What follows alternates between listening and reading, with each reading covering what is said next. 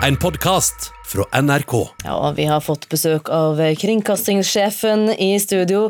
Han skal snakke om en ny serie, og det er ikke en hvilken som helst serie, Thomas.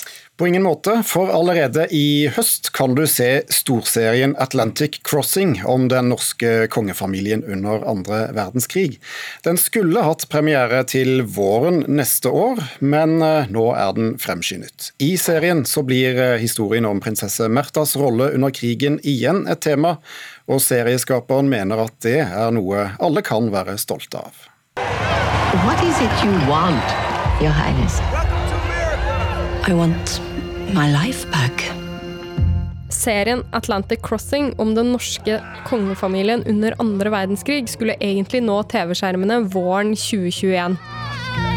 Bare vrøv, der står i aviserne. Krig, bla, bla, bla, bla. Men den har fått ny premieredato allerede denne høsten. Jo, for første så var altså, serien er klar, Det sier dramasjef i NRK, Ivar Køhn. og så er det jo litt sånn i forhold til koronatid og, og som vi måtte kaste litt rundt på, på tankene våre.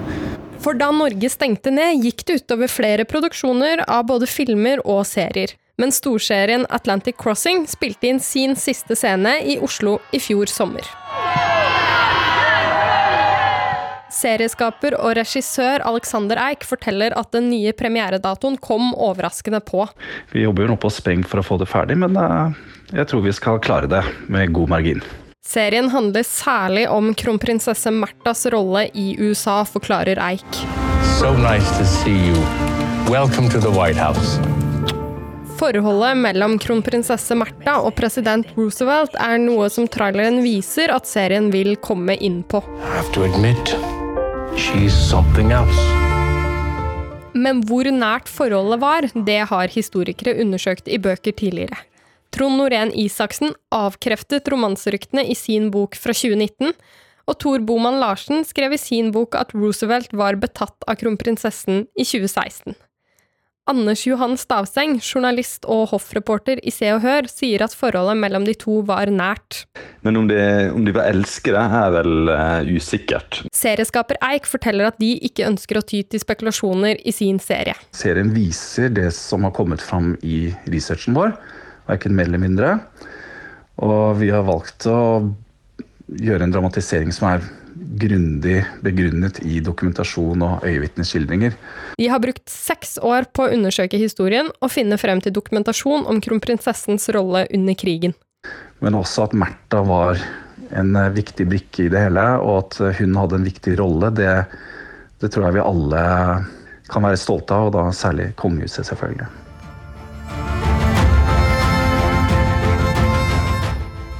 Reportere her, det var Maiken Svendsen og Petter Pettersen. Kringkastingssjef Tor Gjermund Eriksen, god morgen. God morgen. Atlantic Crossing det er en serie som altså var planlagt til 2021. Hva betyr det at den kommer nå? Det betyr at vi får et fantastisk dramaserie nå allerede om et uh, rett over sommeren, altså oktober-november til høsten. Jeg, elsker uh, historisk drama, for det er med å fortelle vår historie og aktualisere den. og Vi har hatt ganske mange historiske dramaserier de siste årene. og det betyr jo at noen har jobba veldig hardt her, fordi den var planlagt til neste år. Men da koronaen kom, så stoppet alle produksjoner. Og som kringkastingssjef så var jeg kjempebekymra for at vi ikke skulle ha nok godt innhold å tilby publikum til høsten. Nå har vi klart å snu oss rundt på mange områder, så dette er jo ikke den eneste dramaserien. Det, jo, det blir en veldig sterk dramahøst, men dette er nok den hva sier man, den mest bredt anlagte historien. Ja, for NRK kommer nå fremover med en rikholdig meny. Ja, og det er jo viktig. Jeg vet, Koronaen endrer kanskje ikke så voldsomt, men det forsterker trender veldig. Og det vi ser er at den internasjonale konkurransen om publikum, Netflix, HBO og sånn, blir altså så utrolig mye sterkere nå. Netflix skal lansere 90 dramaserier. Da er det utrolig viktig at vi liksom på vegne av norsk kultur, da, norsk dramabransje, klarer å fortelle våre historier på en fantastisk måte. Samtidig så har, har, koronatiden styrket lineære medier. Altså Flere har sett på direktesendt TV. Er du overrasket over det vi ser nå? Ja, men det har ikke styrket lineær eh, kanal relativt sett, fordi folk har brukt all mulig medier mer, lyttet mer til radio, sett mer på TV, sett mer på strømming. Og det vi ser nå er jo at man er tilbake på den trenden man var. Eh, fortsatt så er TV og Dagsrevyen sterkt om kvelden, men det er ingen tvil om at eh, strømming vokser voldsomt. Ja, altså Vi liker å velge. Ja, og det er jo Hvem er det som ikke liker det, da? Ingen, ingen jeg kjenner syns dette er en dårlig situasjon, at vi kan velge når vi kan se, og hva vi skal se. Eh, du nevnte jo det at eh, Netflix kommer med 90 mm. serier. altså Det er stor konkurranse fra de store strømmetjenestene. Eh, hvor står NRK sett i forhold til dem? Nei, altså NRK har eh, klart å holde posisjonen. og det er klart at Nå gjennom koronaen så har jo publikum eh, da eh, samlet seg om NRK. Eh, nyheter og aktualitet har jo vært en veldig viktig del fordi publikum har hatt behov for det. Men vi ser også at NRKs både underholdning og drama har fått et større publikum under koronaen. Så konkurransen er tøffere. Eh, de internasjonale er enda større enn oss når det gjelder bare strømming, men NRK eh, treffer fortsatt ja, nesten hele det norske folk hver eneste dag. Så klarer vi å lage godt nok innhold som har høy nok kvalitet, er norsk og gjenkjennelig for oss, så skal vi klare å beholde en viktig posisjon i Norge framover også. Du sa i sted at uh, på et tidspunkt der så uh, var det litt uh, vanskelig å være kringkastingssjef. litt høy puls for hvordan dette skulle gå. Hva er det denne tiden har lært deg som medieleder? Nå tror jeg det har vært veldig vanskelig for mange andre enn eh, en oss også, særlig de som har mista inntekter både i andre medier og i, og i annen, annen, virksomhet. Men uh, det som har lært meg som, som medieleder, er jo at det er utrolig viktig at vi har medier som alle har tillit til i Norge.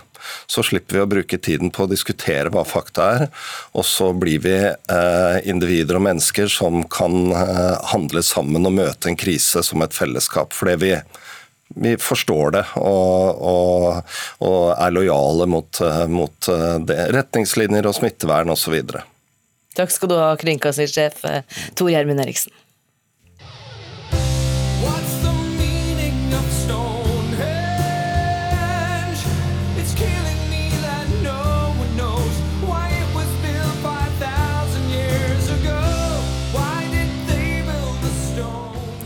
Hva er meningen med Stonehenge, sang Ylvis-brødrene i 2011, eh, riktignok med et glimt i øyet.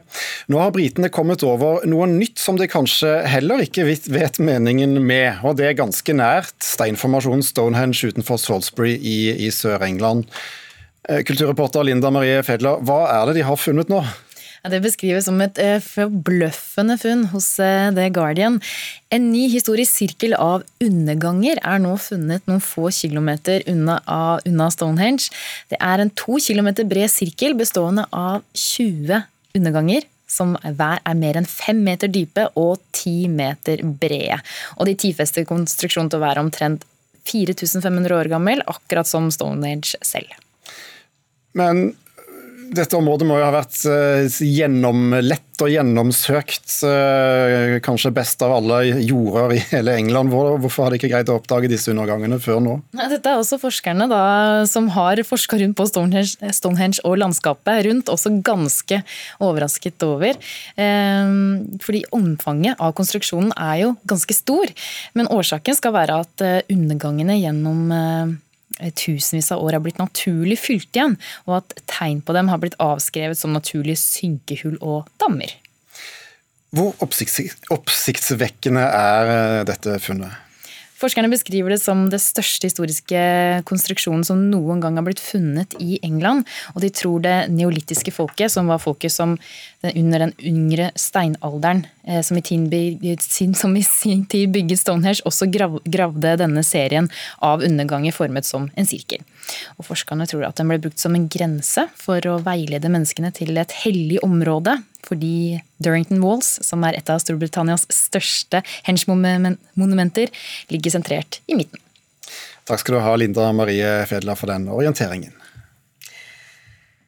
Nå skal det handle om eh, stor kunst.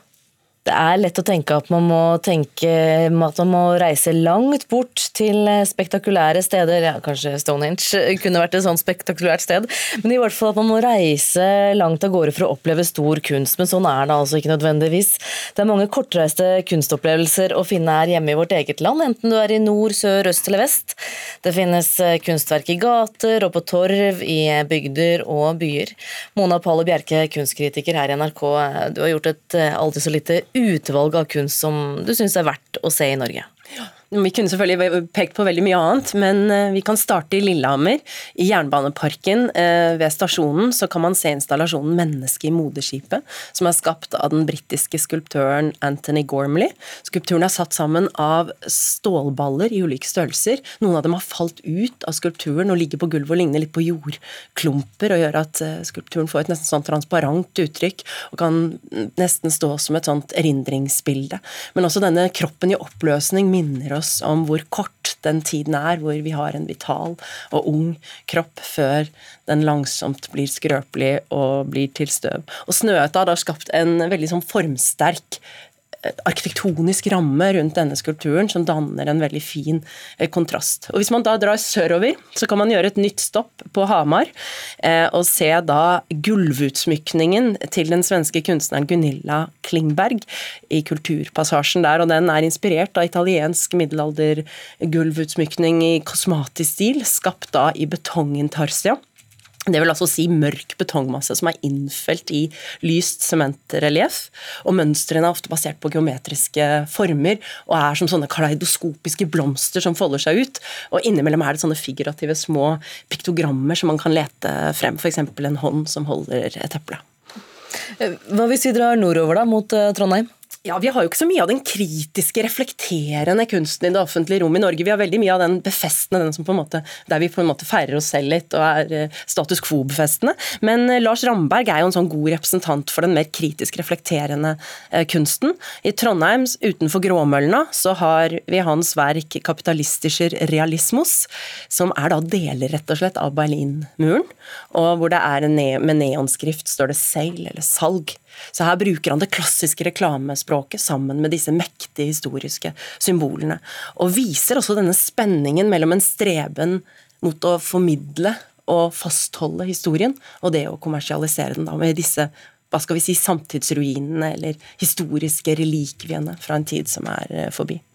Eh, nettopp Ramberg har også fått sette sitt preg på Oslos nye storstue, Deichman. Vi snakket jo mye om Deichman i forrige uke også. Ja, med det flunkende nye verket Brainstorm, som er et skinnende virvar av hvite og gule neonrør, håndblåste, som svever mellom gulv og tak i foajeen. Hvis man legger turen til Bjørvika, så må man også få med seg operaen. Den er stappfull av kunst, veldig mye integrert kunst. Jeg vil fremheve da scenetårnene, som da, har en utforming av Astrid Løvaas og Kirsten Vagle, med et intrikat mønster preget inn i overflaten av konkave og konvekse punkter, eh, som nesten som ligner litt på blindeskrift, og som fanger lyset på en fantastisk måte. Sånn at på en hvit formiddag så vil nesten sentårene gå i ett med himmelen, men når det er solnedgang, så vil det gløde som eh, kobber. En viktig kunstner i det offentlige rom i Norge er vel også Åse Texmon Rygg. Eh, skulpturene hennes de er vel også å finne rundt omkring i landet? Ja, og Der kan man jo legge, lage en liten utflukt basert på også Texman-rygg-skulpturer. altså Det er virkelig verdt å se. Mot slutten av sitt liv konsentrerte hun seg om dette Møbius, denne Møbius-formen, dette bånd, snodde båndet hvor der utside blir innside. Og hun, et, en veldig flott, eh, et flott eksempel er ved Mosvatnet i Stavanger, men også St. Olavs hospital eh, i Trondheim. Eh, men en helt annen ikke-Møbius-skulptur fins eh, på Farmannstorvet i Tønsberg. Det er altså et bronsemonument viet småkongen Bjørn Farmann, som var eh, sønn av Harald Hårfagre. Og den skulpturen den er helt abstrakt. Det er liksom to store bronseplater tvunget sammen som danner en vridd bølgeform, som kanskje er en dønning eller en skipsbau. Og den også riflet og fanger lyset på en nydelig måte der. Til slutt, eh, Hvis man vil reise nordover, hvilke kunstverk eh, vil du anbefale da? Jo, Guttorm Guttormgårds fantastiske labyrint utenfor Universitetet i Tromsø er verdt et besøk. Det er et kunstverk, men det er også et sted. Eh, men man kan også legge turen da eh, til å se Dan Grahams store glasskonstruksjon, som ligger nært ved E10 mellom Svolvær og Leknes i Lofoten. Dette er da et, et stor speilkonstruksjon som eh, speiler det storslagne landskapet og blir som et levende landskapsmaleri, der du som betrakter ser deg selv som scene. Dette er jo også et hybridkunstverk som har noe både arkitektonisk, noe skulpturelt og noe malerisk eh, på en gang. Ingen tvil om at det er mye å se rundt omkring i eh, Norges land. Du kan lese mer om eh, hvor du kan reise for å se stor kunst i det offentlige rom i Mona Palle Bjerkes lille reiseguide, som ligger på nrk.no. Takk for at du kom, Mona Palle Bjerke, kunstkritiker her i NRK. Du har hørt en podkast fra NRK. Hør flere podkaster og din favorittkanal i appen NRK Radio.